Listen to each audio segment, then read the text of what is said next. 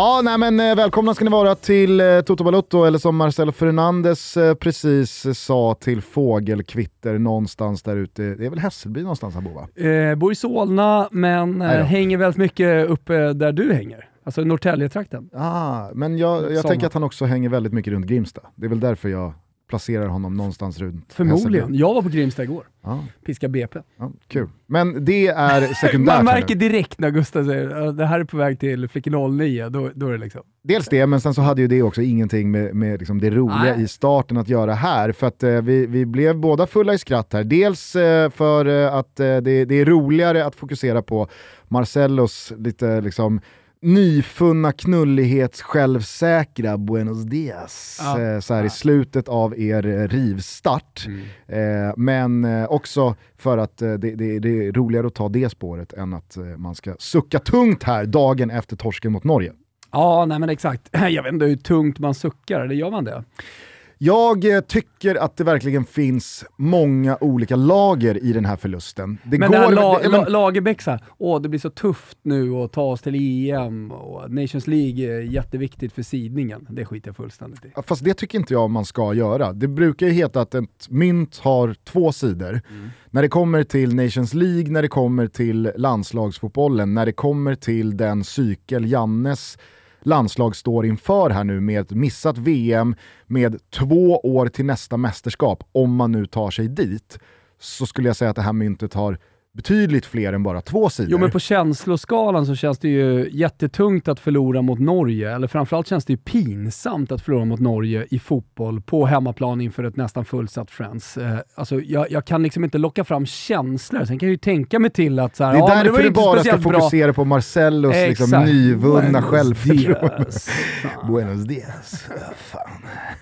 Man ser liksom hur grannkärringen, hon, det vattnas. Ja, men jag ser hur liksom Marcelo glider in i köket hemma och, Ja. och, och, och, fortsätter den här meningen med Fan, finns det något kaffe eller? Mörkrost. Jag älskar det. Dina Buenos gordo. dias. Fan, finns det något kaffe eller? finns det något kaffe till papi? Buenos dias. Fan, finns det något kaffe eller till papi chulo? Ah, grande gordo. Ja. Nej, men, eh, på så sätt så är det roligare att välja Marcello-spåret. Ja. Men eh, alltså, jag, jag köper vad du säger. I sak, alldeles oavsett sammanhang. Okej, hade det varit en träningsmatch, en träningslandskamp som verkligen inte betyder någonting, då är det ju bara rycka på axlarna, gå vidare med livet. Folk vill ha semester, det är slutet av en väldigt lång säsong. Skitsamma. Det, det, det, det är ju vad det är. Men jag tycker verkligen att Lasse Lagerbäck är inne på någonting fullt rimligt att tidigt liksom, opponera sig mot sättet då, ja, men som, som Lagerbäck själv då menade på, Janne matchcoachar här med bytena, som Janne sen förklarade, eh, hade liksom sina rimliga bakgrunder till. Han trodde inte att resultatet hade blivit så pass mycket bättre om han inte hade gjort Nej, men, eh, den rotationen som han har gjort. för de som inte då såg efter studion i sändningen så menar ju Lasse Lagerbäck på att jag tycker att vi undervärderar Nations League här. För dels så betyder en gruppseger för Sverige här mot Serbien, Slovenien och Norge att vi blir sidade i andra gruppen inför EM-kvalet som alltså lottas efter att Nations League har gått i mål i september. Och det är ju en jävla skillnad. Vi minns ju alla den första VM-kvalgruppen som Jannes landslag sensommaren 2016 gick in i med både Frankrike och Holland. Alltså, det var ju en överprestation att hålla ett landslag som Holland bakom sig ett helt kval. Det tror inte jag att vi gör en gång till. Alltså, Nej, Holland är på gång. Som jag skrev här. men dels Holland, Benelux-ordningen är återställd. Det känns bra i hela kroppen. Så är det ju, men du fattar vad jag menar att alltså, Holland är ju inte bara Holland, utan Holland representerar ju vad man kan få från pott 2. Och med ett eh, ombyggnationslandslag som byter spelsystem och som har tappat en hel del i kvalitet, erfarenhet och rutin, men kanske framförallt inte har någon mittback att eh, spela bredvid Victor Nilsson Lindelöf, så har jag väldigt svårt att tro att Sverige, trots alla eh, förmildrande omständigheter och köksdörrsgenvägar att ta in i EM-slutspelen numera, jag har svårt att se Sverige hålla ett pott två-lag bakom sig. Så blir vi trea, alltså sidade som treor in i EM-kvalet, ja men då blir ju vägen jävligt mycket tuffare. Och då hade man dessutom behövt den där eh, köksdörrs-playoff-platsen man får via Så kommer Janne in i studion efter Lagerbäcks utläggning där kring hur viktigt det är och så känner man bara bring on det där kvalet. Det är inga som helst jävla problem. Man ska bara få lite år, alltså så långsiktigt om man tänker då på kvalet till EM, mm. så är det ju bättre att han liksom jobbar in ett nytt spelsätt. Det är bättre att han eh, liksom känner, han, han, vet ju inte vilka som är startspelare i det EMet. Det är bättre att han känner på den spelaren som finns och eh, hittar en elva som han tycker passar, liksom, eller som han tycker passar, som han tycker är, är vinnande i längden, i och med att det är en ganska stor generationsförändring som har skett det senaste året. Då tycker jag det är viktigare att använda Nations League till att hitta rätt där.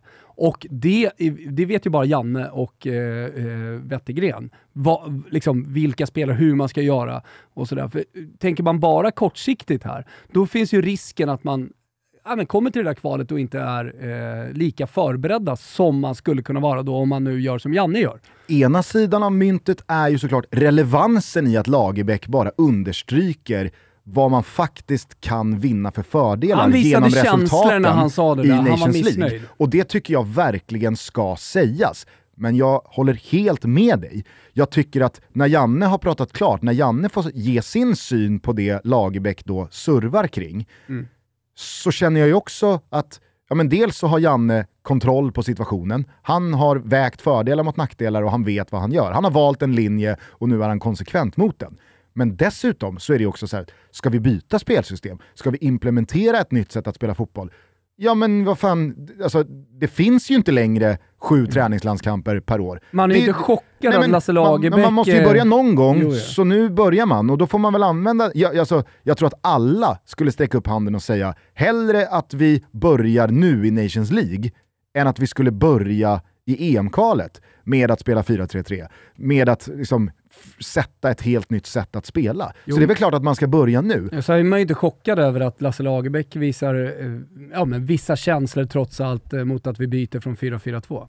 Nej, eller att han då... Eller att det sker en förändring överhuvudtaget. För förändringar skedde ju inte speciellt ofta med Lasse Lagerbäck. Det var ju det som var kritiken i slutet. Nej men det har det väl inte gjort egentligen under någon eh, förbundskapten. Det är, väl, det är väl Hamren som har varit lite, lite experimentell. Men det, det, det, det, det gick ju tillbaka väldigt många gånger till hans grund. Ja. Eh, det jag skulle säga var bara att jag, jag, jag tror att Lagerbäcks kanske största invändning igår efter matchen var ju att okej, okay, jag respekterar och köper din konsekvens här Janne, att nu är det det här nya som gäller, men när resultatet är så pass viktigt som det är i den här turneringen sett till då sidningsgrupp inför EM-kvalet, möjligheten till en köksväg in i EM-playoffet eh, efter då eh, EM-kvalet.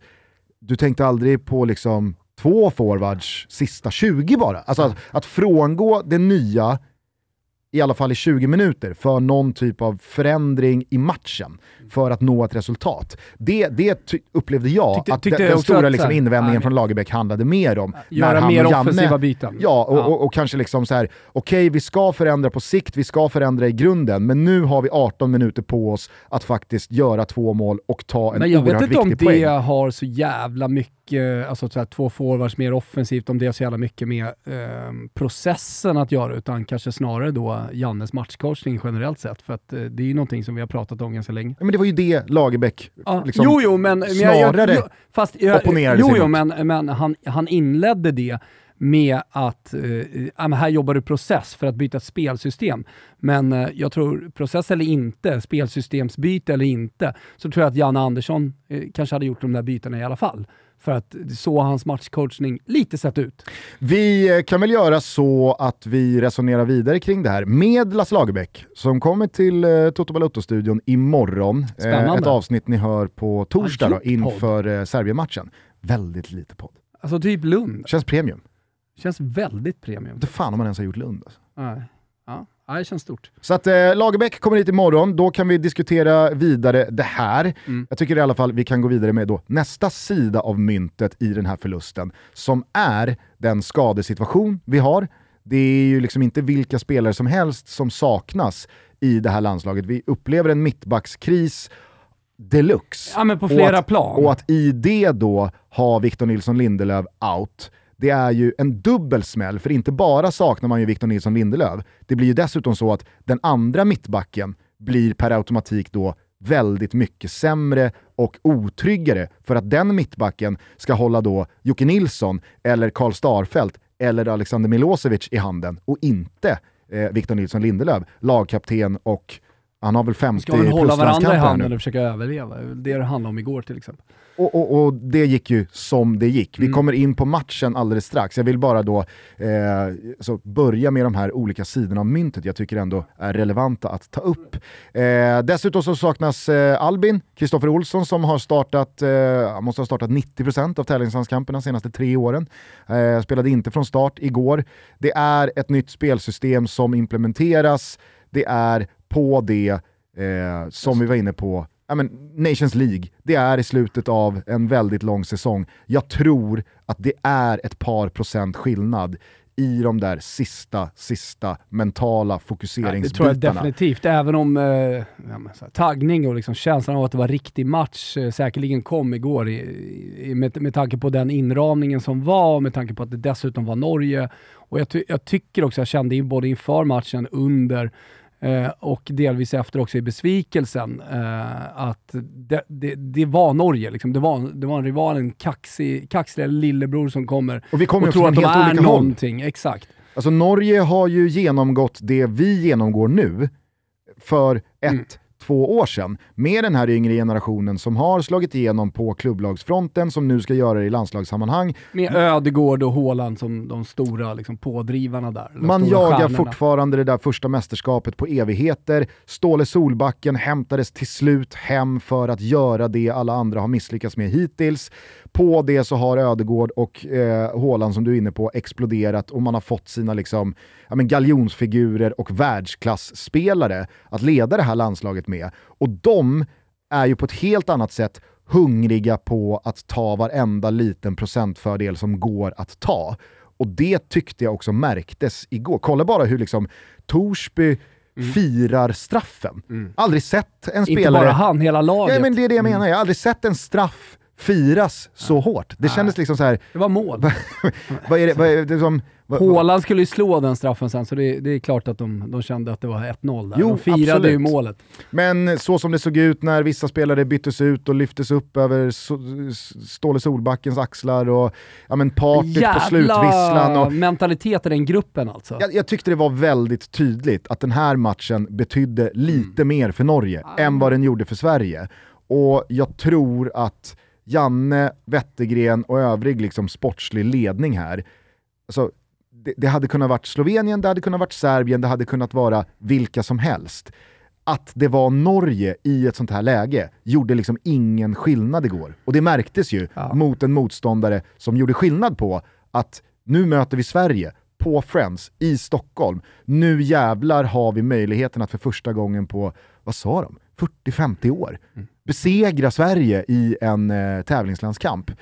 Jag vet inte om det var i Sverige eller om det var överlag. kolla- Alltså, så här, Men- Jag är inte förvånad över den statistiken eh, om man kollar på Norges ganska sorgliga, ga- förlåt, om man eh, kollar på Norges sorgliga jävla fotbollshistoria. Mm. Liksom, där vi går tillbaka till Grenolis dagar, det är Kurre Hamrin och sen så har det liksom bara flyttit på genom, genom fotbollshistorien. Man blev lite full i skratt när Niva listade de sex största norska fotbollsspelarna genom Aldrig hört tiderna. någonsin.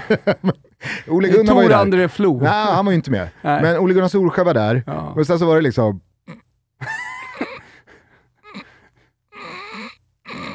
Ja.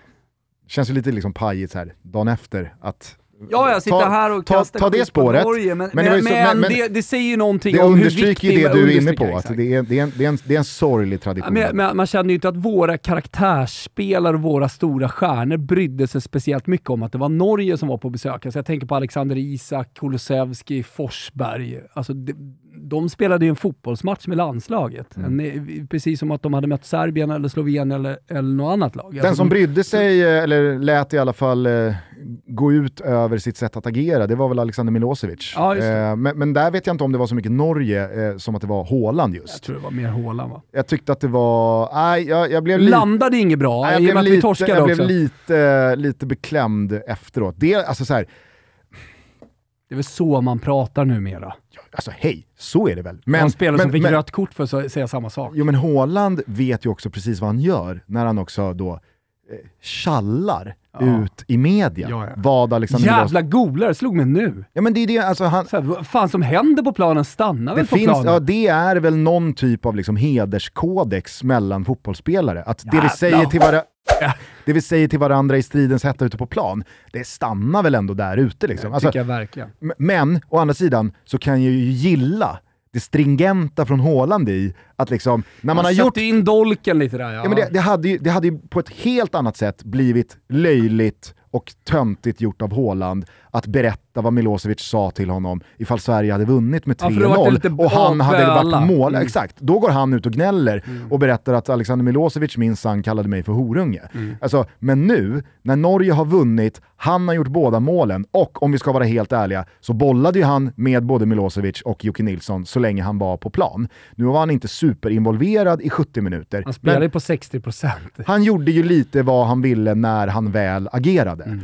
Och att i den stunden, efter en sån match, dessutom då som lite lök på laxen för Milosevic, gå ut och hänga honom att mm. ja, Alexander Milosevic kallade mig hora. Det, mm. det är jag ju inte.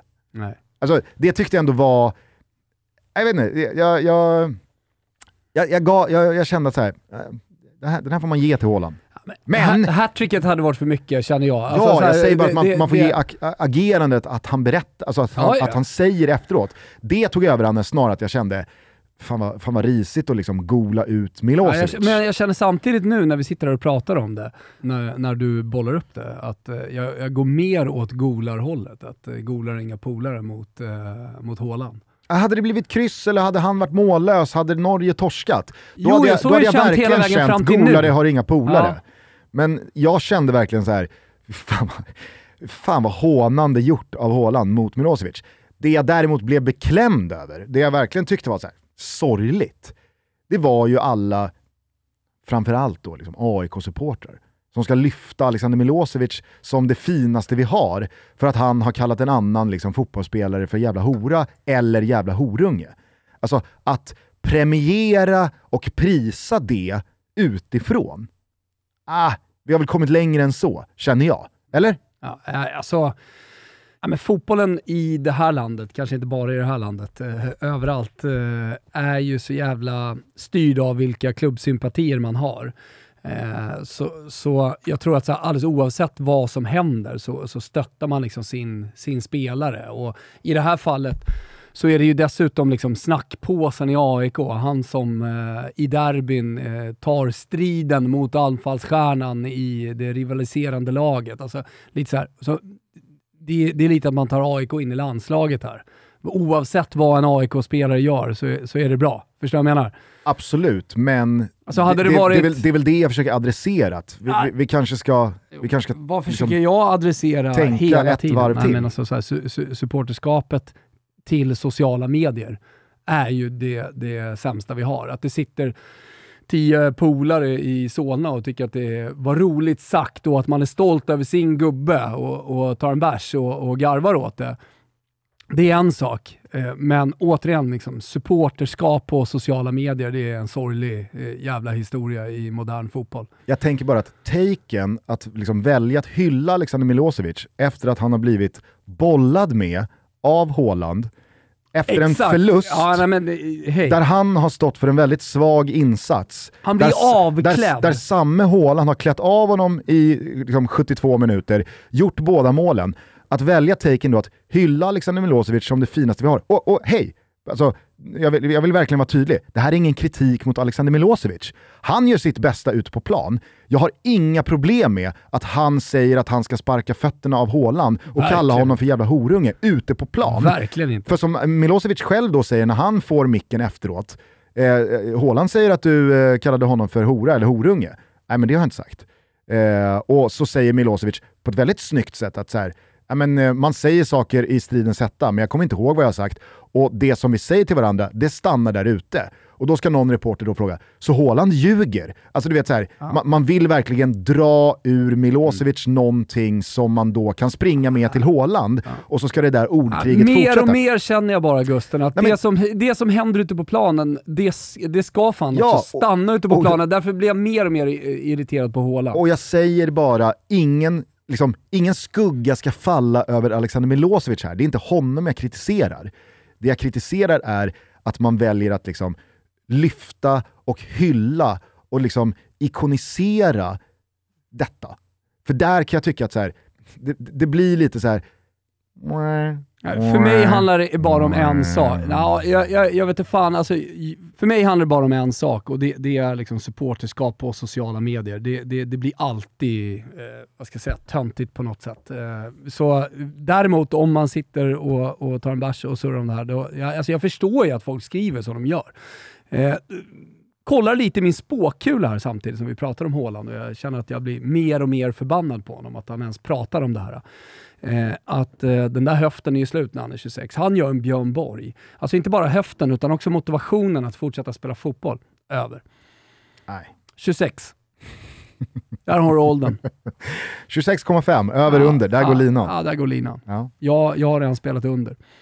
Det kan bli vårt längsta bett någonsin då. Ja, Femårsbettet. Ja, jag spelar du, över. Ja, där har du 11 lax. här, här, har du hum, här har du hummen. Plus en skaldjursplatå, så det är rejäl. Och, och vad är fortfarande spelar?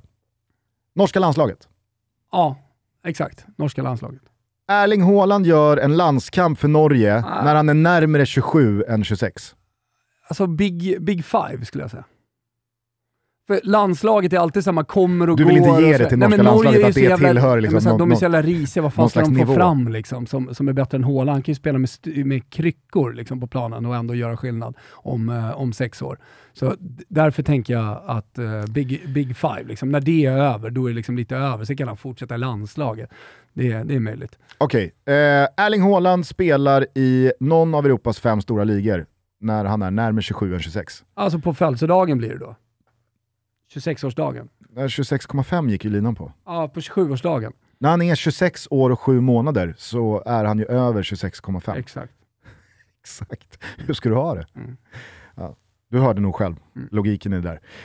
Eh, två eh, myntsidor kvar bara, ah. innan vi liksom ska, ska gå in i, i, det faktiskt Det är som en sån här drakar och demoner-tärning det här myntet. Eh, alltså en sida av myntet som man också ska komma ihåg, det är att vi är ju bara halvvägs in i den här samlingen det är, det är fyra omgångar kvar av Nations League. Eh, Sverige har inte liksom bränt möjligheten att vinna den här gruppen bara för att vi förlorade igår. Norge borta på söndag är helt sinnessjukt att tänka. Jag tycker Emil Forsberg var väldigt, väldigt övertygande i sin intervju i studion efter matchen igår. När han då fick frågan om returen på Ullevål på söndag. Att han liksom sa, det finns inte en chans att vi inte vinner den matchen. För nu har vi mött Norge, nu vet vi liksom, det här ska vi skruva på, det här gjorde vi sämre, det här gjorde vi bättre. Och som han uttryckte det, vi behöver också spela fotboll med det här nya systemet för att svart på vitt få svar på det här funkar, men det här funkar inte. Hur löser vi det här? Hur tweakar vi det här till någonting bättre? Och när det dessutom nu efter den här förlusten finns en revanschlusta. Det finns också lite liksom krav på att ska vi ha någonting med den här gruppsegern att göra så måste vi vinna. Mm. Eh, jag tror dessutom att vi, vi kommer eh, rotera laget så pass mycket här mot Serbien på torsdag eh, och förhoppningsvis slå då Serbien som saknar dels Vlahovic i truppen men också Mitrovic som är avstängd. Alltså, kan vi inte slå Serbien i det läget på hemmaplan, ja, men då kanske vi inte ska gapa så mycket efter en gruppseger här. Men jag tror att vi kommer kunna spara lite krut i buggarna till söndag för att göra en riktigt, riktigt bra match. Så att allting lever ju, det är inte kört än. Nej, men det som dessutom talar för Sverige är att det är ett nytt spelsystem. Så varje minut som Sverige spelar fotbollsmatcher, Serbien i det här fallet, nu kunskapen från Norge-matchen, alltså, gör ju att vi blir bättre. Vi, alltså det Foppa säger, att vi kan skruva på saker. Ja, men då får vi ytterligare en match eh, och eh, revanschlustan tillsammans med det gör ju att vi, vi kommer ju vara bättre på Ullevål än vi var på Friends. Mm. Förhoppningsvis För, och förmodligen. Ja, men dessutom, alltså, Norge kommer inte skruva på sin taktik speciellt mycket. Så nej, det är nej. klart att alla gör eh, liksom, små taktiska förändringar. Ja. Och det är ju den sista då, eh, sidan av myntet jag tycker man ska lyfta. Att det är verkligen inte bara att gå från ett rakt 4-4-2 i försvar, eller 3-5-2 då i, i anfallsfotboll, till att spela 4-3-3, trycka på en knapp och så ska det flyga. I synnerhet inte när man saknar två tredjedelar av sin centrallinje i då Albin Ekdal och Victor Nilsson Lindelöf som har startat majoriteten av samtliga landskamper de senaste 5-6 åren under Janne. Det, det, är verkligen inte bara att rycka på axlarna och tro att det ska funka. Jag såg några skriva äh, Janne har kört fast. Janne har för fan precis liksom kastat allt han har stått för och allt han har implementerat eh, som tränare i hela sin karriär ja, över bord. ignorant att säga så. Ja, men jag tycker så här, och, och, om man efter de här två matcherna mm. börjar ropa efter förändring och börjar tycka att liksom, nej, Janne har minsann kört fast, det, det, här, det här går inte längre.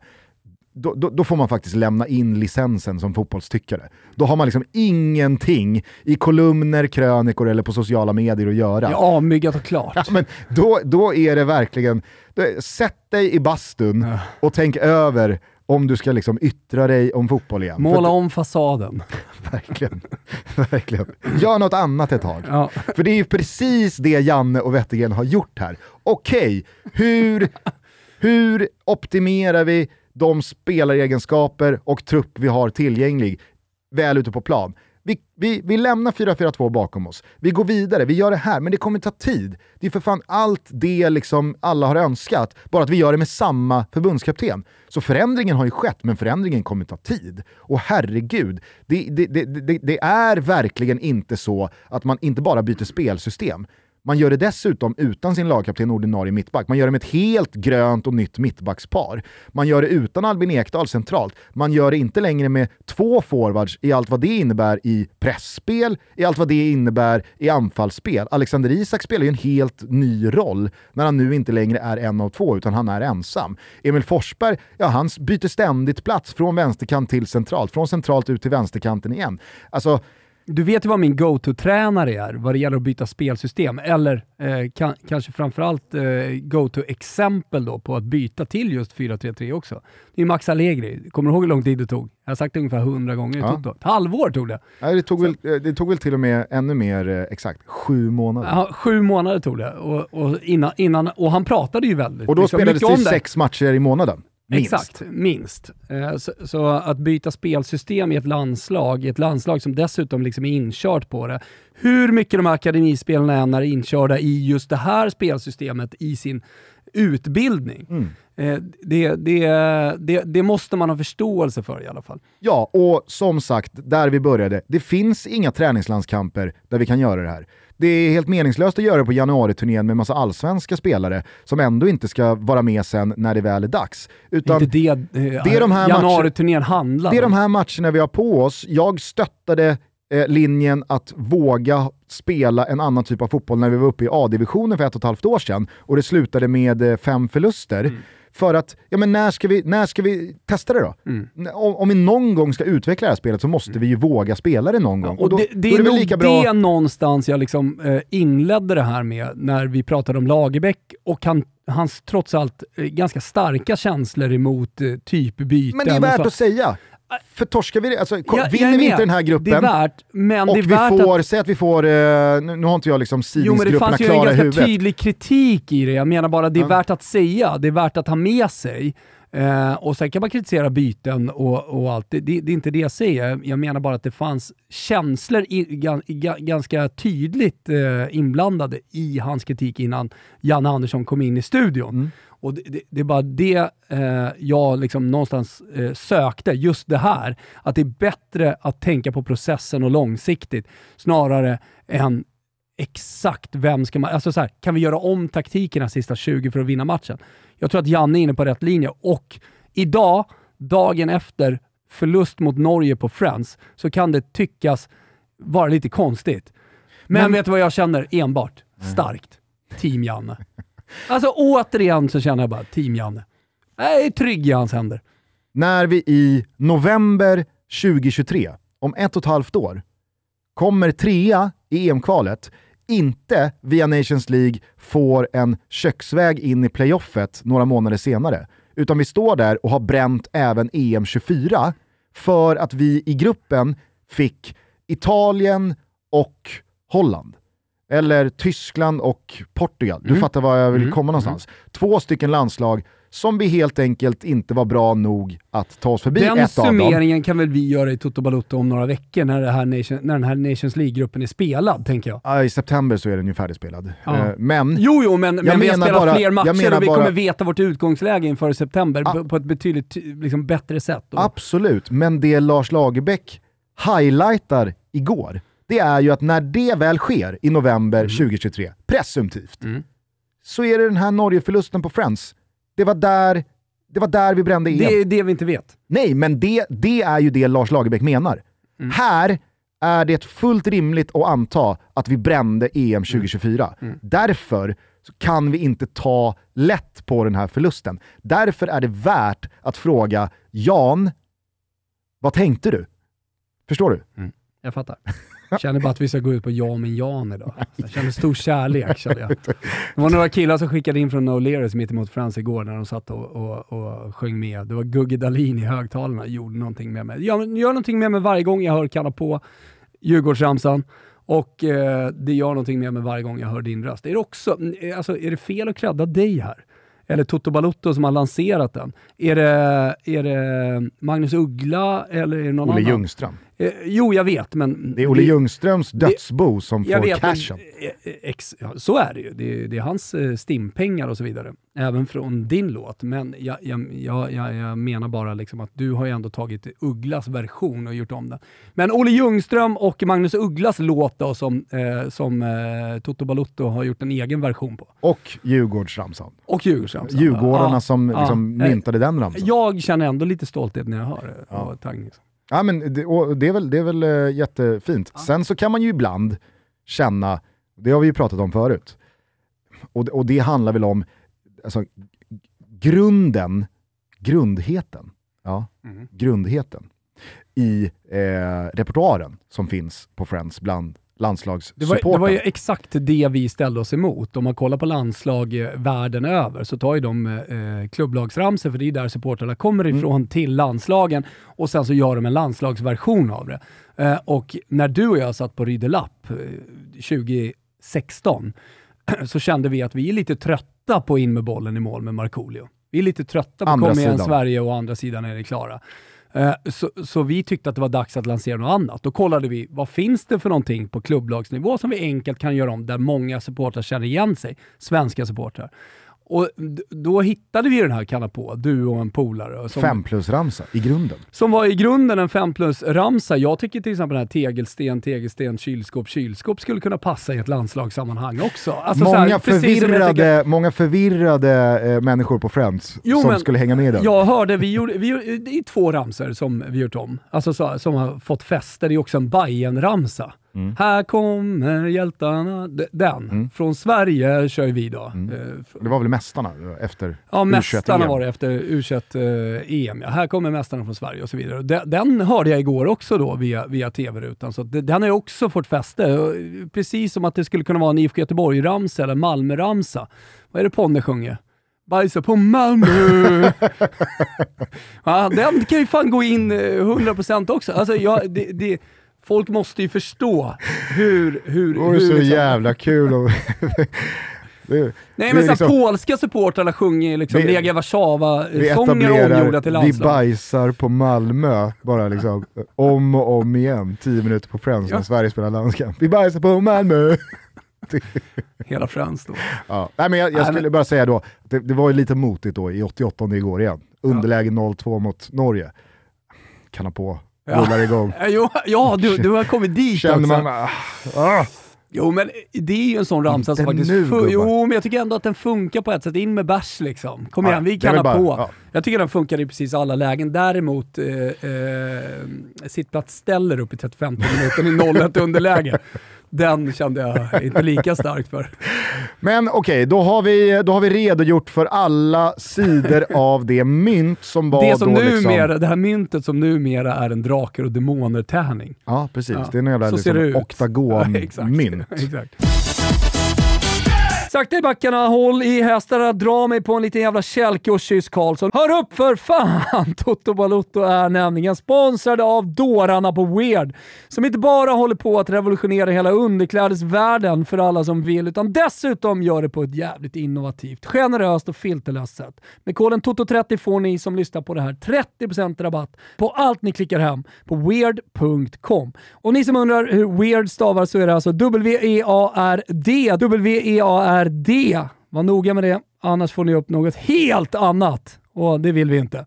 För alla behöver underkläder, kalsonger, trosor, strumpor, linnen och så vidare. Tjejer som killar. Pittiluring som kissimurra va.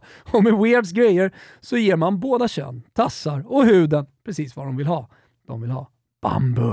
Det är mjukt, det är luftigt, det är skönt mot kroppen och det är en grym jävla kvalitet. Addera den stilrena looken, inga feta fula loggor och löjliga mönster och färger i material som tappar passform och som sitter som skit. Här är det fokus på rätt saker. Så nöj er inte i onödan. Levla upp lite jävla vardagslyx i era översta lådor. Kliv in på weird.com och se själva. Fatta grejen! Förlora er bambuvågen, framtidens material! Att det dessutom är riktigt jävla snabba leveranser, sa jag det? Från Weird? Ja, men det säger väl också sig självt. Det är ingenting jag behöver nämna. 30 trollar rabatt. Toto30-koden weird.com. Vi tar på oss våra bambujalingar och skjuter en salut för att ni är med och möjliggör Toto Balotto. Eh, det, det rent eh, spelmässiga, fotbollsmässiga då. Vi kan väl väga in Slovenien-matchen här tycker jag, eh, ja. från i torsdags, i och med att det är ändå de liksom, samplen vi har i detta nya 4-3-3. Ja. Eh, det är 180 minuter, det var en eh, seger borta mot Slovenien med 2-0, det var en förlust eh, mot Norge hemma igår då med 1-2.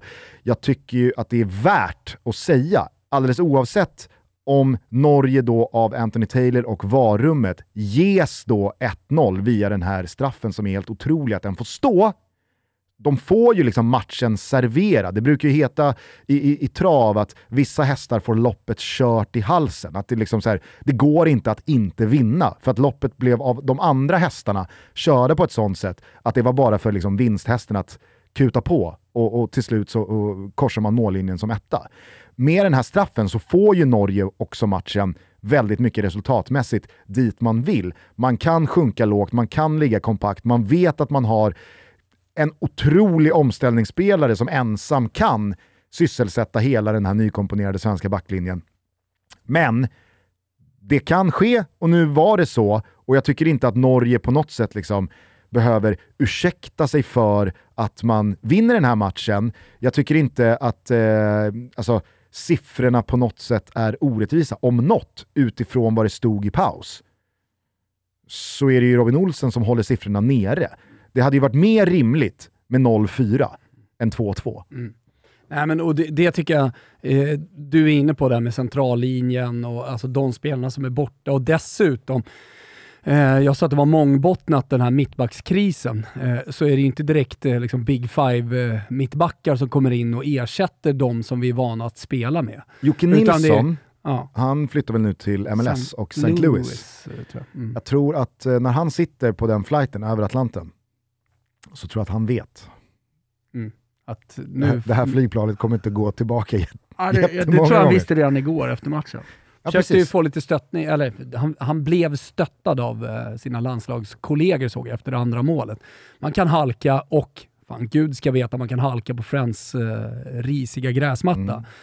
Eh, men, det blev också lite extra delikat och eh, intressant när det då sker efter att Ponne bara timmar tidigare i Sydsvenskan hade lättat på trycket. Mm, Man hade ju hoppats att han hade gjort det här ja. med oss, bland vänner. Mm. Men eh, nu kom det i alla fall ut eh, någonstans mm. eh, att eh, det var ju de där två landskamperna mot först Kroatien och sen Portugal i slutet av den där Nations League hösten 2020 eh, som eh, han inte Nej, det, liksom, kunde släppa. Jag pratade om det då, jag tyckte det var helt bisarrt. Alltså, eh, nu är vi på sociala medier igen, men alltså den behandlingen som Pontus Jansson fick efter, efter de matcherna han hade stått för, alltså den tryggheten han hade varit i en jävla pissmatch i Nations League, bli hängd på det sättet och tappa sin landslagsplats på det sättet. Liksom, han, han fick så otroligt mycket kritik, som att så här, det här är Pontus Jansson. Jag trodde att alla visste att det där är inte Pontus Jansson. Pontus Jansson har vi sett hela tiden fram till nu. Vi som ser honom i ligan, eh, vecka ut och vecka in. Vi som har sett hans landslagsmatcher vecka ut och vecka in. Från den dagen Eh, det var Jan Andersson va? Han kom, nej, det var Erik Hamrén när han kom in eh, och gjorde dundermatchen mot Frankrike. För det, är väl, det var väl liksom mm. starten på hans eh, landslagskarriär. Men också under Jan Andersson. Tyckte det var så jävla märkligt hur han kunde sjunka i hierarkin. Så jag fattar ju verkligen Ponne här. Och sen så kommer vi till det mästerskapet. Möjligheten ges, men han får inte möjligheten att spela. Alltså jag, eh, jag, jag förstår ju den stora besvikelsen från hans sida. Mm. Och som man var inne på då igår hos Sydsvenskan, att han fick då liksom ensam fejsa media, ja. han fick gå ut eh, i den mixade zonen och verkligen, som han uttryckte det, typ, blev kastad åt vargarna. Och... Ja, men det var ju så ju. Det var ju vargar runt om som tyckte, du kommer ihåg det, vi, vi satt ju här och när jag försvarade Ponne i Toto Balutto, då var, då var det ju bara, ja men ni är polare med honom, ja men ni, ni, ni gör allt för Albin och, och Ponne och så vidare. Så fick man ta jävkritiken där. Nej, jag var helt objektiv. Jag tyckte det var orimligt. Mm. Och det är återigen så här, vi landar på att supporter är ignoranta. Alltså man har noll jävla historiekoll när man, eh, när man hänger spelare och eh, när man kastar folk på det där sättet under bussen, men, men dessutom ger orimlig kritik. Alltså det är två situationer där vi släpper in mål på, absolut. Men det kan också hända, och det får hända i Nations League. Det var ju dessutom, det ska också sägas, ett nytt sätt att spela på. Vi var mycket mer offensiva. Vi eh, var mer sårbara i djupet, det som hände i de två matcherna. Ja, och som Ponne själv var inne på igår då, alltså mot Portugal, ja, då, då var vi alla klappkassa. Ja. Alltså, då, då, spelade vi alla ett uselt försvarsspel. Ja, ja. Groda mot Kroatien, hej! Hands up, alltså det, det är min. Det är ingen snack om saken.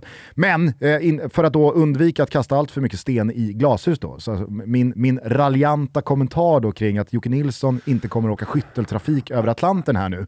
Alltså, han är väl inte i samma så, position som uh, Ponne? Ja, det är han väl, sett till vad, vad jo, som nu gäller. var han spelar. Ponne är borta, Danielsson är borta. Ja. Är Danielsson borta? Han tackade för sig ja. Han, har, han har slutat. Ja. Ponne har slutat. Mm. Eh, alltså, Jocke Nilsson är ju jämte Filip Helander.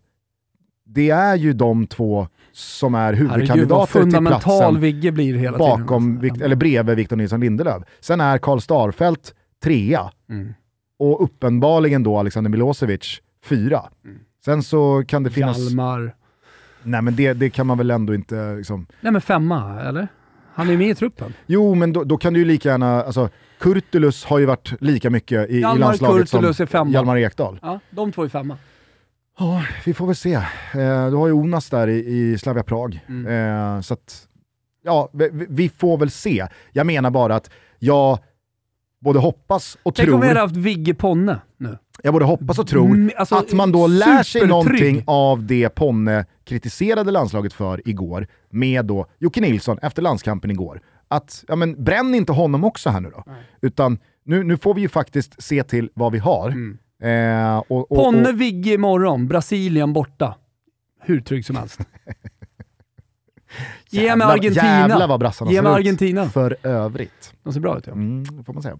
Mm. Eh, men eh, tillbaka till då de här två eh, landskamperna. Vad va, va, va har du tyckt sett bra ut? Alltså, vad har du gillat med det nya spelsystemet efter, och det nya ja, landslaget. Nej, men, alltså, så här, jag gillar alltid när Emil Forsberg kommer in och hamnar centralt och ibland är han ute på en kant. Och så när han är den här klassiska fantasista-rollen som får röra sig lite hur han vill. Mm. Det tycker jag är härligt. Eh, jag tycker inte att Alexander Isak har sett sådär jättebra ut. Han spelar ju ensam forward i Real Sociedad. Det har funkat sådär under den här säsongen. Funkar sådär i landslaget också. Sen är det möjligt att han är isbjörn det, det, det, det, har varit en tuff säsong och han har inte självförtroendet. Jag trodde att det skulle komma här nu, att det bara liksom skulle smälla.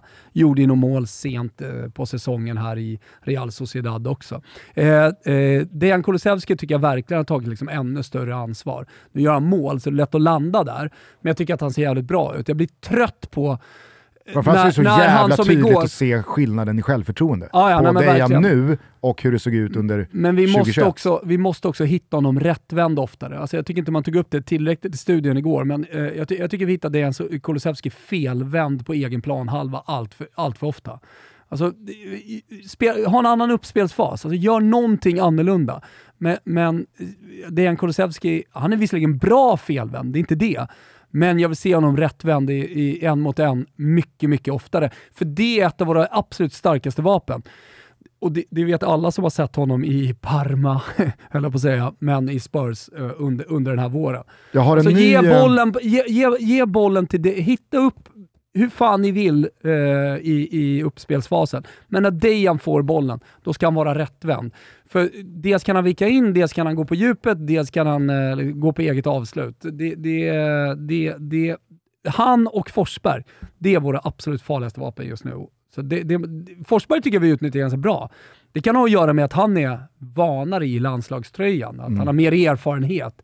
Eh, och eh, liksom i den erfarenheten också har ett större självförtroende förstår vad jag menar. Känns också som att han har steppat upp med den där lagkaptensbindeln runt armen Ja, och vet att nu, nu, är nu är det jag som eh, behöver ta ansvar. Jag behöver vara lite pappa, jag behöver vara lite instruktör, jag behöver visa vägen. Ja. Det har ju inte han behövt göra på samma sätt hittills. Det har ju, jag, jag, jag tror att han har väldigt mycket koncentrerat sig på sig själv. Ja, han, kän, han känns som en stjärna och, Och han även- känns så jävla självklar också. Och även han. efter liksom lustig Marcus Berg-generationen lämnade så blev det ju väldigt mycket mer Victor Nilsson Lindelöf, Albin Ekdal, Mm. snarare än Emil Forsberg. Nu saknas både Albin och Vigge. Det har ju varit en helt ny, måste jag säga, Emil Forsberg, Mm. Både på plan men framförallt och medialt de här dagarna, den här sam- samlingen. Jävligt kul att se. Men du Jag skulle bara säga, jag, hade, jag, hade en, eh, ny, jag har en ny spetsegenskapsspaning på Kulusevski. Mm. Va, vad- vad är den klassiska sägningen kring riktigt Du har ju bra redan haft fotbollsspelare? en väldigt speciell Ja, jag vet. spetsegenskap. Jag har en till som jag tror att du kommer gilla. Mm. Eh, vad, vad är den klassiska sägningen kring vad som särskiljer bra spelare eh, mot lite sämre spelare? Att bra spelare, de vet vad de ska göra med bollen. När de får den. Ja. Mm. Vet du vad riktigt bra spelare har som inte bra spelare har? De har förmågan att inte veta vad de ska göra med bollen innan de får den. Men när de får den, ha förmågan att ändå ta det bästa beslutet. Ja, jag förstår. Alltså vissa spelare, När de inte vet vad de ska göra när de får bollen. De är jättebra på att veta vad de ska göra innan de får bollen. Ja, men det finns- men det det finns finns, tre- ju tillfällen under en fotbollsmatch när du får bollen, när det, går så snabbt så att Exakt. du vet inte riktigt. eller men att du då du, hanterar har, de du, har, du har tre alternativ. Ja. Du måste värdera dem. Ja. Det finns tre typer av spelare. Värderingen, är det den du pratar om? Ja, alltså värderingen eller bara liksom förmågan att ta det bästa beslutet. Ja. Det kanske är samma sak, jag vet inte. Det är väl värderingen när du får bollen och inte har bestämt det innan. Ja. Det jag menar är, jag landade igår, att det finns tre, det finns tre typer av fotbollsspelare. Ja. Det finns de som får bollen. Jag gillar det här Gusten, det kan jag säga Ja, jag visste att du skulle Ja. göra det. Det finns de som får bollen, inte vet vad de ska göra med bollen när de får den och sen inte kan ta rätt beslut till och med med bollen. Och så finns det bra spelare som innan de får bollen vet vad de ska göra av den. Det är därför de kan hålla sånt jävla bra tempo, det är därför inte liksom pressen sätts in, eller det är därför de kan glida förbi en försvarare, eller att de kan slå passningen i en yta som stängs igen tre tiondelar senare. Men de riktigt, riktigt bra spelarna... Liverpool är ju bra där va? Ja, absolut. Men de riktigt, riktigt bra spelarna, det är de som kan få bollen och vara trygga i att jag vet inte vad jag kommer göra med den här bollen än, men jag besitter förmågan att när jag väl får bollen så kommer jag inte liksom schabbla bort den, kladda på den, se ytor stängas ner, utan då har jag full koll på min omgivning. Att där och då Och koll på kropp och boll och allting sånt där. Koordination, medspelare, motståndare, allting. Jag, jag, jag, jag vet att du, Neymar är kanske världens bästa på det tycker jag. Ja, Han agerar, när han får bollen så agerar han det han tycker är kul och det blir ofta bra. absolut. Ja, men det, det finns väl många spelare att, eh, att nämna här. Eh, men jag tycker att eh, Dejan Kulusevski igår visade det Modric. två gånger om i slutet av matchen med eh, samspelet med Anthony Elanga. Mm. Eh, alltså, om du kollar, på- du vet vilka situationer jag Mm, menar. När. Anthony Elanga har bollen i vänster ytterzon och så spelar han in den till Dejan Kulusevski. Tycker det är så tydligt hur det syns att Kulusevski, han vet inte vad han ska göra med bollen när han får den. Men det är inte på något problematiskt sätt. Det är inte liksom så här, du ska veta vad du... Utan han tar emot den, trygg och full av självförtroende med att jag kan ta emot den här bollen på ett sätt som gör att jag inte tappar någon mark, ingen motståndare kommer kunna komma åt den. Men jag kan också väl med bollen. Invänta och se, vad är den bästa passningen? Vet du vilken förmåga han har? Nej. Och Zlatan har pratat om. Han, han har förmågan att vara Matrix. Ja, att gå ner Liksom- i liksom, Nej, all- se alla allting andra i... liksom, eh, Ja. agerar jättesnabbt, men, men han ser Han allting ser det som i i slow motion. Ultrarapid, ja precis. Är det, med, är, alltså, är, är det liksom världens mest paradoxala ord? Alltså ultrarapid låter som att det går blixtsnabbt. Är vi rätt på det då? Ultrarapid, ja. Eh. Alltså, Jag har varit osäker. Här har jag rätt. rivstarten. Buenos dias. Fan, finns det något kaffe till papi? Papi chulo! Nej, men jag tänker att ultrarapid är jättes, att det går jättesnabbt. Ja, det, jag vet, det är därför jag säger det. Det, det låter verkligen som höghastighet. Ja, men det kan väl betyda både och? Nej, alltså ultrarapid, det ska, det, det det ska vara liksom långsammare än... Eh, Alltså jag läser här, vad betyder ultrarapid? Om filmfotografering, ytterst snabbt. Om filmbildrörelse, ytterst långsam. Ja. Det är därför jag, därför jag knasar till lite i skallen, jag som gammal skådespelare. Som har kört båt i ultrarapid. Okej. Ja. En, eh, I ultrarapid eh, enligt filmfotograferingen då. Ja. Men eh, inte enligt filmbildrörelsen. Han besitter i alla fall den förmågan Ja. att väl med bollen kunna då liksom bara trycka på slow motion-knappen. Mm. Vem kommer här? Vem kommer där? Vad finns det en yta här? Han slår ju två passningar då. Den ena leder till mål, den andra drar Elanga utanför. På ett sätt som är så här, Felvänd bara för att jag sa det, men det var på offensiv planhalva. ja, men du fattar, alltså, jag, jag, vet, jag, jag tycker att eh, den, den spetsegenskapen är jävligt uh, läcker. Den är Ja, häftig. ja, och Kulusevski har den på ett sätt som väldigt få andra har. Och också ehm, blir man ju eh, extra eh, stor supporter till Kulusevski för att han har det också under 90 plus tillägg. Mm. Alltså, det är ju en spelare man ska behålla på planen. Det är någonting man har märkt på Janne också. Han byter ut andra spelare, man byter inte ut Kulusevski. Det känns som att han är en spelare som verkligen kan avgöra i 90 plus 4 med en eh, eh, liksom sån aktion. Nu eh, nämnde ju du eh, Neymar här som eh, det, det kanske bästa aktuella exemplet. Modric också. Jag tycker att det här var ju Zinedine Zidans liksom, Mm, stora jävla adelsmärke. Absolut. Du Att går här, tillbaka i fotbollshistorien du. Det, det kan man göra. Ge mig bollen så ska vi se Mm. vad som är det Ja, bästa exakt. Mm. alternativet. Jag lovar att jag kan ta det beslutet när jag väl får bollen. Ja, men också att För han har typ inte så här än. 20 alternativ när bollen kommer. Ja, men också så här, storkukslugnet i att veta Men det är att då så här, det speciella jag, vet inte, händer. jag vet inte vad det bästa alternativet än är. Vet du vad, vet, Det finns de som kan ta ett bra beslut innan de får bollen, mycket bättre än majoriteten av alla fotbollsspelare. Men jag kan ta ett ännu bättre beslut, men då behöver jag först bollen. bäst sätt att förklara det på att det är då magi på fotbollsplanen uppstår. Ja. Tillsammans med vår partner Heineken Alkoholfri så har vi just nu en premiumtävling och eh, den går av stapeln på heinekenalkoholfrikampanj.se. Det handlar om att man ska köpa två stycken Heineken 00 i en butik. Tipset är att kyla dem riktigt ordentligt för de är otroligt goda. Eh, men framförallt då så ska man ladda upp kvittot på Heineken alkoholfrikampanj.se. Och vad är det man tävlar om då? Jo, som jag sa, en premiumresa till Sveriges öppningsmatch. Det är Sverige-Holland på Bramall Lane i Sheffield. Det är Toto Balutto inräknat. Vi pratar flyg, vi pratar mat på resan, vi pratar hotell, men framförallt då eh, platser i Heineken alkoholfri-logen på arenan. Vi kommer tävla ut eh, två stycken vinnare som också får ta med en vän i det här läget. Eh, så Otroligt eh, generöst av er eh, Heineken Alkoholfri. Ni eh, gör verkligen en dundertävling här och vi rekommenderar alla att vara med. Jag eh, tänkte bara eh, liksom kort då studsa några grejer som jag tar med mig från eh, de här 180 minuterna rent då, liksom här, spelsystemmässigt. Vad, vad jag ändå tycker var lite plus och minus. Alltså, jag har ju tjatat eh, länge här senaste två åren i liksom, 4-4-2s brister på att vi som landslag blir undertaliga på för många ytor av plan. Man vill ha fler numerära överlägen.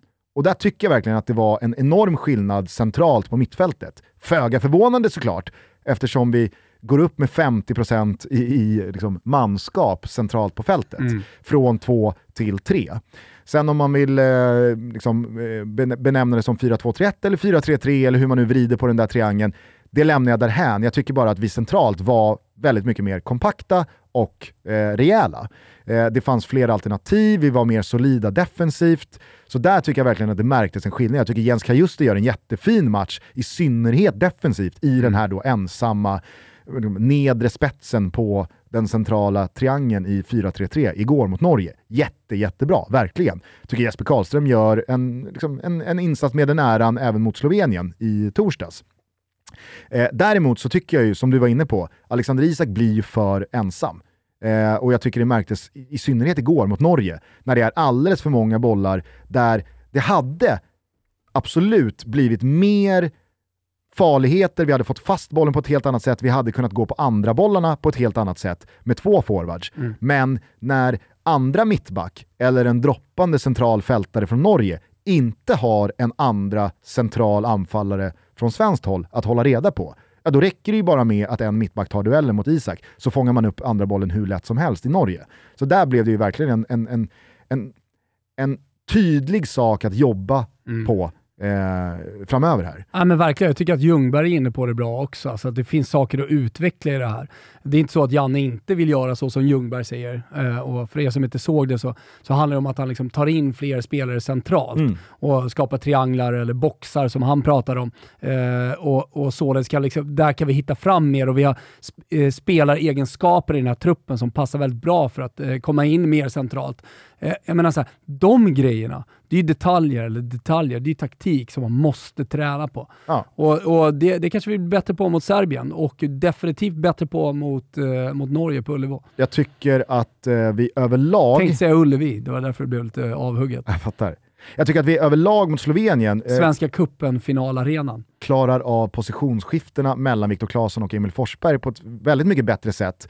Eh, sen, så, sen så gjordes det bra i korta perioder igår mot Norge, men det blev så uppenbart igår att när då Emil Forsberg kör fast lite centralt, när han inte får lika mycket boll som han vill ha, ja, men då, då, då rör han sig utåt åt, och då hemfaller han åt sin position där ute till vänster. Och så blir Viktor Claesson ganska statiskt centralt. Och där är inte han tillräckligt bra. Alltså, det, det, blev så tydligt igår att då, då går vi ner i tempo, vi går ner i rörelse, vi går ner liksom, i och med det i kreativitet, konstruktivitet. Det, det blev alldeles för passivt. Mm. Så att det där har man ju i, i stunder i båda de här matcherna hittat. Eh, att Emil Forsberg verkligen kan frigöra sig när han får vandra eh, från vänster till centralt, ut och in. Eh, men eh, när det blir för, för statiskt, ja, men då blir det superenkelt mm. för motståndarna att kontrollera dels Alexander Isak eftersom han är ensam, men också mittfältet som bara står stillastående framför sig. Så att, eh, ja, jag tycker att eh, det, det, det, det, finns eh, verkligen saker att bygga vidare på men framförallt saker att skruva på. För mm. det, det, det, kommer inte, det kommer inte funka att spela så här i 90 minuter, i synnerhet inte när vi på så utsatta positioner har lite kvalitetstapp också. Trots eh, förlust så ser jag jävligt mycket fram emot eh, dels Serbien-matchen, men inte minst då eh, den stora revanschen när vi åker till Norge på söndag. Jag ska säga det att på Betsson så finns det väldigt mycket odds kring Nations League och inte bara just nu i dessa dagar. Så kika in där ni som är sugna på lite spel. Kanske ta in lite av det vi sagt om vi tycker att det har varit någonting klokt. Vad tror vi framåt? Eh, alltså vad tror du om Serbien-matchen till exempel? Vad gör vi för match? Vad, hur roterar vi? Vilka spelare kommer in och vilka går ut? Jag utgår från, eftersom Janne har varit väldigt tydlig med det, att det här är ju en samling som fysiskt sett inte går att klara av på ett Nej. annat sätt än att använda hela truppen. Att snurra ganska mycket. Han har ju också lilla lappen med sig igår i studion pratar om hur många minuter Forsberg har spelat. Ja, men ja. inte bara Forsberg, utan Nej. han har koll på alla spelares spelminuter. Nej, men jag utgår från att Kristoffer eh, Olsson och Jesper Karlström går in centralt igen. Eh, jag utgår från att minst en av eh, Alexander Isak och Dejan Kulusevski kommer starta på bänken. Förmodligen båda två, i och med att eh, Robin Quaison finns tillgänglig, Viktor Gyökeres finns tillgänglig. Nu hade det varit perfekt att få starta med Jesper Karlsson. Alltså att mm. han skulle få ta sin, sin första riktigt liksom, mm. stora ansats mot eh, konkurrensen in i, i ordinarie elvan. Viktor Claesson kan väl ånga på, alltså, han tröttnar ju aldrig. Eh, men eh, nej, jag, jag, jag, tror att det kommer vara ett ganska roterat eh, mm. landslag utifrån det som går. Nu är Emil Kraft avstängd och Alltså, det finns inte jättemånga alternativ på den här mittbacken. Eh, jag tror att Janne inte kommer liksom spela Jarmar Ekdal och Kurtulus. Nej. Det har jag väldigt svårt att tro. Nej. Eh, där måste han ha någon slags eh, stabilitet. Ska jag säga det förresten, ni som går in på Betsson.com och, och liksom letar efter odds, ni måste vara 18 år och stödlinjen.se finns om man har problem. Det är viktigt. Men jag tror ju att ett Serbien utan Vlahovic, ett Serbien utan Mitrovic, det blir ju också ett förhoppningsvis och förmodligen ganska så uddlöst Serbien. Som Framåt, är... i alla fall eh, om man ser till att eh, Milosevic och eh, Jocke Nilsson har spelat mot Håland mm. och eh, delvis också passningarna fram till Håland från de spelarna som finns bakom, inte minst Ödegård. Mm. Ja, men det, det, det blir Kanske lite, lite lättare. Då. Nu eh, finns ju Luka Jovic där, gjorde väl mål igår också. Eh, Dusan Tadic, otrolig hey. fot. Alltså, det, det, det, det är klart att det finns kvalitet. Serbien är VM av en anledning. Absolut, samtidigt som jag, jag tror verkligen att Serbien utan sina två spetsanfallare är i Stockholm för att ta en poäng. De är nog ganska nöjda med ett kryss på förhand. Således så hoppas jag att Sverige kan utnyttja den här matchen, kan utnyttja manfallet i Serbien mm. till att ja, men, låta det flöda offensivt som det gjorde första kvarten av andra halvlek igår mot Norge, som det gjorde stundtals mot Slovenien. För då, då tror jag absolut att eh, Sverige ja, men in, in, inte bara kommer vinna utan också känner att vi, vi måste ju samtidigt vinna. För att, att implementera ett nytt spelsystem i all ära, det är tävlingsmatcher. Det är, vi, vi, alltså, vi, kan inte, vi kan ju fortfarande komma sist i den här gruppen. Nu är väl det tvärfavorit på att Slovenien kommer jumbo så det bara sjunger om det. Men eh, alltså, vi kan inte åka ur i en C-division. Då, då, nej, då är det, det riktigt mörka moln på, på himlen. Nej, det ska vi inte göra. Så att, ja, nej, men det är väl bara att blicka framåt eh, mot eh, Serbien-matchen eh, och försöka skaka av sig att vi faktiskt förlorade en fotbollsmatch som betydde någonting mm. mot Norge kändes också lite irriterande med den där budisen som rullades ut inför från norska tårtbiten. Vi kan köpa hela Sverige om vi vill. Mm. Man vet ju också att det stämmer. Ja, jag vet. Det var väl Oskar Månsson som eh, rapporterade att den där oljefonden, ja. alltså all Norges olja, uppgår till 12 000 miljarder. Ja. Så vad är det för summa? Ja, det är otroligt. Ja, det är ju siffror som är svåra att ta in. Mm. Mm. Sen, så, sen så tycker jag, och jag vet inte. Det, det... Såg också hetsen när de gjorde mål, liksom, klättrade upp och hetsade Ja, fan bengaler och Håland hyschar. Och, och det, hej, det ska han såklart göra, han blir ju fan utbuad. Han alltså, är Håland också. Ja, men jag fastnade för någonting som eh, Ståle Solbacken sa till Jennifer Kücükaslan i mm. intervjun efteråt. Han inledde med det. För jag, jag, jag, jag kommer inte ihåg Jennifers första fråga, men det var någonting typ så här, hur upplevde du det här? Eller hur, hur var det här? Och då säger han så här, ja, det känns riktigt bra att se Sverige förlora på hemmaplan. Alltså mm, det var... Vi, ja. Nej, alltså så här, det, det, det, det satt Byggs det nu en rivalitet? Satt som en jävla eh, liksom, armbåge i solarplexus. Ja, men vi har ju skidorna där vi är omsprungna. Alltså, så här, och där finns ju en rivalitet. Det, det är Northug som är en gris och, och alltihopa. Och den känner man ju varje gång vintersäsongen drar igång och varje gång det är ett mästerskap. Det är klart man känner den rivaliteten, men man har inte känt den Nej, i fotbollssammanhang för, att, Norge men, har men, den har ens, sorgliga fotbollshistoria som de har. Har man ens känt rivaliteten i skidspåren senaste 7-8 åren i och med den totala, totala överlägsenheten? Alltså, det har ju varit lite det har ju varit lite skämskudde när det har försökt byggas upp någon slags landskamp men, och sen så slutar det med tre, tre gånger Norge på pallen. Jo, jag vet, men den har i alla fall funnits. Sverige kämpar om fjärdeplatsen På med damsidan har vi definitivt Estland. varit med och krigat och vunnit OS-guld och så vidare. Så absolut så har rivaliteten funnits där. Och, och eh, men jag känner ju att den har ju inte alls funnits i fotbollssammanhang i och med Norges sorgliga fotbollshistoria. Eh, men nu då när de studsar upp dem med höftkulan, Håland och de andra gubbarna. Och ja, men nu kommer den! Alltså det tycker jag också ska liksom vägas in här ja. i Norges frammarsch. Mm. Att ja, men Bode Glimt gör ju någonting på klubblagsnivå som svenska klubbar inte gör. Ja. Nej, det, det, ja, Ro, Rosenborg väl... har väl delvis kanske gjort lite grann jo, det med. Men, sen kan man, men, sen kan man väl där, känner liksom... inget, där känner jag inget starkt. Det, det skiter jag lite i, borde Glimt. Så, så får väl alla Malmö-supportrar ursäkta, man kan väl ropa Champions League kring MFF. Men, ja. ja. det, kommer, det, ja, det kommer fler matcher. Och eh, framförallt är det ju inför den här matchen på söndag. Man känner, vi vill ju bara krossa Norge. Mm. Men just att Ståle sa ordningen. det känns riktigt bra ja, att nej, se Sverige förlora ja, på hemmaplan. Att se Sverige tapa på hjemmebanen. Och ska träffa norska här, kompisar här i veckan också. Alltså, nej, det, det känns hopplöst. Ja. Jag var ju lite inne på att vi skulle ringa Per Jarle här. Mm. Bara ge det till honom. Typ säga grattis. Men eh, jag vet inte riktigt om jag fixar det. Uh, kanske gör det på måndag. Ja, på måndag kanske vi... Ja, då kommer Backe hit. Kommer Backe hit och lägger ut texten. Så vi har alltså Lasse Lagerbäck och vi har Backe. Ja, eh, gubbpodd, säger folk då. Ja, det är fräsch, härlig, jävla premiumpodd på gång. Eh, Alltså såhär, gu gubbar eller inte. Proffs. Jag vill höra vad Lagerbäck tycker och skojar tänker och känner. Jag vill höra vad Backe Lagerbäck. tycker och tänker och känner. Nej, men kände du igår i studion liksom när... När man såg Fredrik Ljungbergs outfit att nu sitter måsen och skruvar på sig borta i Bromma. Ja, Helvete det- vad den satt. Ja, men han är snygg alltså. Det får man fan... Det får man säga. Jo men alltså Martin har ju varit så överlägset snyggast klädd och snyggast i den där studion i så många år. men här kommer en internationell uh, Helt plötsligt så kliver Ljungberg in och utmanar på båda fronterna. Man vet ju att det stressar ju måsen. Ja, ja, dessutom lite solbrand. Han har liksom varit på hotell Tylösand här nu i, i två veckor när solen har skinit och kommer ja, men fräsch, sommarfin och hittar en grön färg som passar honom perfekt också, den där militärgröna. Oliv. Mm. Oliv, ja exakt. Men eh, kände du hur, eftersom Lagerbäck precis hade då riktat kritik, för det, det var det ändå, alltså mot byten och sådär. Och det var känslor... i- Inställningen till Nations League Ja, i ja, mångt och mycket. Ja, absolut.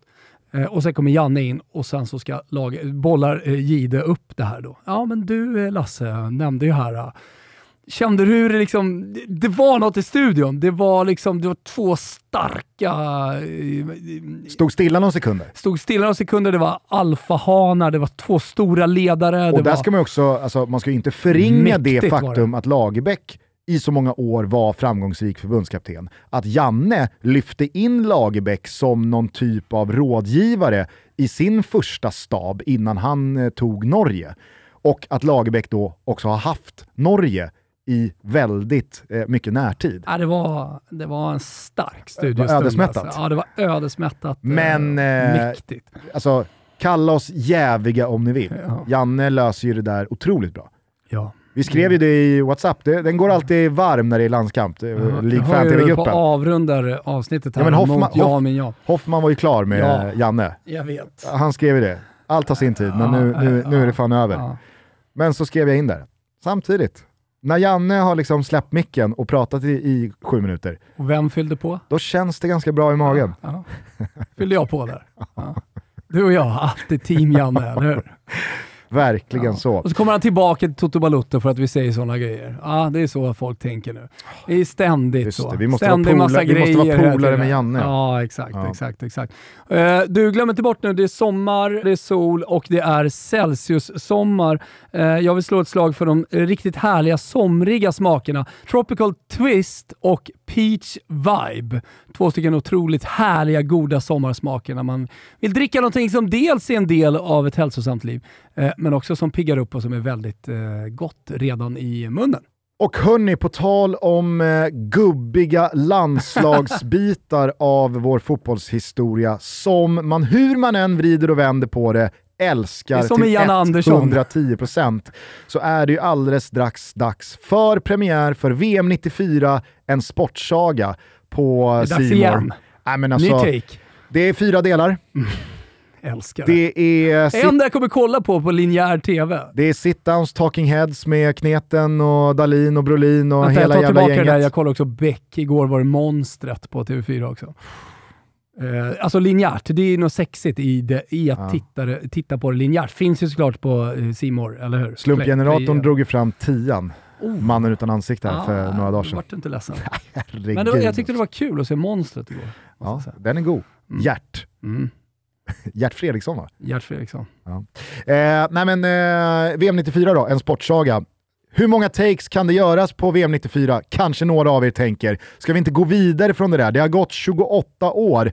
Det är läge att släppa bronset i USA. Nej. Vi torskade mot Norge igår. Vi behöver piggas upp. Vi behöver minnas. Alltså, det finns ingenting tror jag jag kan konsumera lika mycket som VM 94 Nej. utan att ledsna på skiten. Nej, det är sant. Jag älskar skiten. Ja, ja. Och att det är fyra delar. Att det är liksom utlovade nya avslöjanden och delikata hemligheter som aldrig tidigare dryftats medialt. Det räcker med att någon sket på sig, eller att någon, eh, vad vet jag, glömde sin bag på hotellet och fick spela i andra skor. Jag kommer, jag kommer sluka det här och jag kommer älska det. Dessutom givetvis supergenomtänkt timing i då premiären. Att det är juni, det är mästerskapstider, Alltså, det, det är nu man ska konsumera det här. Mm. Det är nu man ska tillåta sig själv att drömma sig tillbaka 28 år i tiden. Mm. Till den här heta 94-sommaren. Ja. Ah, ah, perfekt. Även fast klubblagssäsongen är i mål så finns det en jävla massa guld borta på Simon så skaffa ett abonnemang. Snart är sommaren slut och så är det Champions League och Serie A och Liga igen. Oj, det är lika bra att ta det nu så kan man vara med på premiären av VM Absolut. 94, en sportsaga. Det var det Gusten! Ja, eh, om det inte är någonting annat från de senaste dagarna som eh, du bara liksom eh, noterade. Nej, Messi men... gjorde fem mot Estland. Ja, jag, jag såg det också. Cristiano så... Ronaldo gjorde två nya igår när Portugal slog Schweiz, som jag också noterade var i hans 188 landskamp. Mm. Så började jag räkna här, okej Portugal det är alltså sex eh, eh, matcher i Nations League, fyra kvar, det ska vara någon träningslandskamp misstänker jag innan VM. Vill det sig väl, om man nu är lagd så, vet, det finns väl de som inte unnar Cristiano Ronaldo eller Portugal någonting gott i livet, så kan det vara så att Cristiano Ronaldo spelar en VM-final som då är hans 200 landskamp. Oj. Har något. Ja, det har något. Eh, noterar också att Pirlo verkar vara klar för Karagumruk i den turkiska ligan. Gattuso Valencia, klart. Ja. Jävla märkligt. Alltså, Den var oväntad. Gjorde inte Bordalas en liksom ja. stabil, solid, bra första säsong? Ja, det känns som fiasko. Alltså, jag hade verkligen liksom förstått och nickat med om man hade släppt Bordalas för att någon liksom, supergubbe fanns tillgänglig och här kan vi landa. Men Gattuso, ah, vet fan alltså.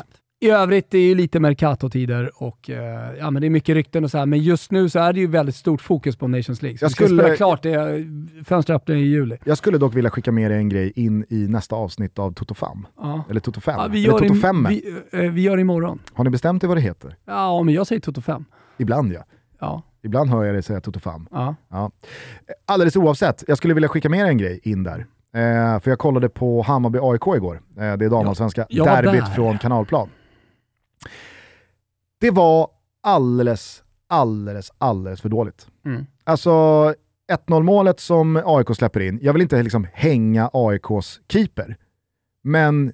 Det kan du göra om du vill. Jo, uh, ursäkta, vad fan är det som sker? Mm. Eh, men, men, jag, vill inte, jag vill inte hänga hon som missar straffen i Bayern i andra halvlek. Nej. Men det är... Alltså, jag, jag, jag var helt jag var helt stum, mm. fortfarande, när jag ska försöka liksom sätta ord på mm. vad jag tänkte när jag ser den där straffen. Den är en och en halv meter utanför, mm. och den är en och en halv meter vet, utanför vet redan innan hon slår den. Vet du vad vi landar i då? Eh, det är att om tio år, alltså damfotbollen, får ju tänka på vad den var för 15 år sedan. Alltså framförallt får du tänka på även när du var liten och när jag var liten, hur många tjejer som började spela fotboll. Det ser helt annorlunda ut. Så att när flickor 09 kommer upp och börjar, börjar spela eh, damallsvenskan, men sen landslag och kommer mm. ut i Europa och så vidare, kommer det se helt annat ut. Kolla på herrfotbollen, hur mycket den har utvecklats, hur snabbt det har gått och hur, hur fysisk den är. Det sker ju i ultrarapid kamerafilmmässigt fart just nu. Eh, så att om tio år så är det en helt annan damfotboll som du kommer se. Det kommer vara mycket mer fysiskt, det kommer vara mycket snabbare, mycket mer te te te eh, tekniskt och du kommer se spelare som dels vet vad de ska göra när de får bollen, men som också kan ta emot bollen och inte veta, eh, inte har bestämt sig för vad de ska göra, men de har 20 olika alternativ. Det sker med en jävla fart. Absolut, samtidigt så vet ju du att jag lever efter devisen att skit ska skit ha. Ja. Och ibland så upplever man ju klimatet kring damfotbollen att man inte får alltså, skopa på med sleven Nej. av kritik för att ja, men det är för hårt, eller liksom, vi, vi, ska, vi ska lyfta, vi ska inte såga. Men igår så kände jag så här, jag hoppas att Thomas och Petro och Robin Bylund i nästa avsnitt av Toto 5 vågar adressera, eller inte vågar, men du fattar vad jag menar, adressera att så här, det, här, det här är faktiskt det är för dåligt. Ja, nej, det, är, det, här är för Det man kan säga, att svagt. den här utvecklingen jag pratar om, alltså där, där, man verkligen kan se den, så är det ju internationellt. Alltså om du kollar på till exempel eh, Champions League-finalen mellan eh, Barcelona och Lyon, mm det, det, är liksom ljusår ifrån. Risken här finns, och jag tror att det är intressant att prata om i så fall, och landa i, det är ju, var är damallsvenskan på väg nu när eh, man internationellt skapar akademier, mm. fostrar spelare, utbildar på rätt sätt och så vidare, samtidigt som det enda vi pratar om i Sverige, det är inte hur ska vi fostra, hur ska vi utbilda, hur ska vi få fram nästa generations stora stjärnor, utan det är eh, hur, hur ska vi bredda ännu mer? Hur, hur kan vi göra, alltså bredden är ju bra för fler börjar spela, jättebra, få in folk. Men det, det är, eh, det är en oktagon till mynt även i flickfotbollen. Ja. Eh, där, där vi även måste prata om spets. Hur förädlar vi de stora talangerna vi har? Hur jobbar vi med dem? Eh, och den diskussionen finns knappt eh, på flickfotbollen Nej, så idag. Är det Och där, där måste vi bli mycket bättre om vi ska hänga med det som händer ute i Europa just nu. Men ska vi också bygga damfotbollen på ett jämlikt sätt här hemma, ja då får vi också börja alltså, dela ut skit och det, där det, skit det, ska jag, delas och ut. Jag kan säga så här, Toto 5 är den enda eh, Damfotbollspodden, det kanske är den enda. Finns det någon annan? Ja, det kanske finns någon annan intervjupodd. Men hur som helst, eh, enda mediet, enda kanalen, enda forumet där det riktas en hel del kritik också. Mm. Så att eh, ni, ni, kan väl, ni kan väl lyssna in. Vi gör sex stycken avsnitt inför eh, EM i sommar och där vi likt Tutski-upplägget, vi har snott det rakt av och kör eh, liksom MVP och, och tränaren och vägen till EM och sådär. Vår gumma. Vår gumma eh, kommer definitivt in eh, och kort, rappt enkel, härlig lyssning. Man får eh, liksom järnkoll på, eh, eh, ja, men, eh, den, eller järnkoll, man får den kollen man behöver ha för att gå in i det mästerskapet i juli och tycka att det är jävligt kul att kolla på med lite kött på benen. Det spelar vi in imorgon efter Lasse Lagerbäck för övrigt. Härligt! Hörni, vi hörs igen på torsdag då tillsammans med eh, Lasse Lagerbäck inför Sverige-Serbien mitt i denna Nations League-samling. Underbart. Eh, tack för att ni har lyssnat. Jag tycker nu att vi släpper Norge förlusten. Vi säger skit på er till Norge, precis som alltid. Vi försöker gå vidare med livet. Vi väljer glädjen. Vi väljer den eh, sydamerikanska, chilenska glädjen som Marcelo Fernandes står för. Vi kanske ska avsluta med typ så här Carlos Santana. Ja! Maria, ja. Maria. Kör. Och så eh, kan ni också eh, smaka lite lätt på eh, Buenos Dias. Buenos Dias. Finns det något kaffe till papi? Ciao tutti. Ciao tutti. Gents. Turn up your sound system to the sound of Carlos Santana. In the GMB, Ghetto and Blues from the refugee oh, camp. Maria, Maria. She remind me of a West Side story.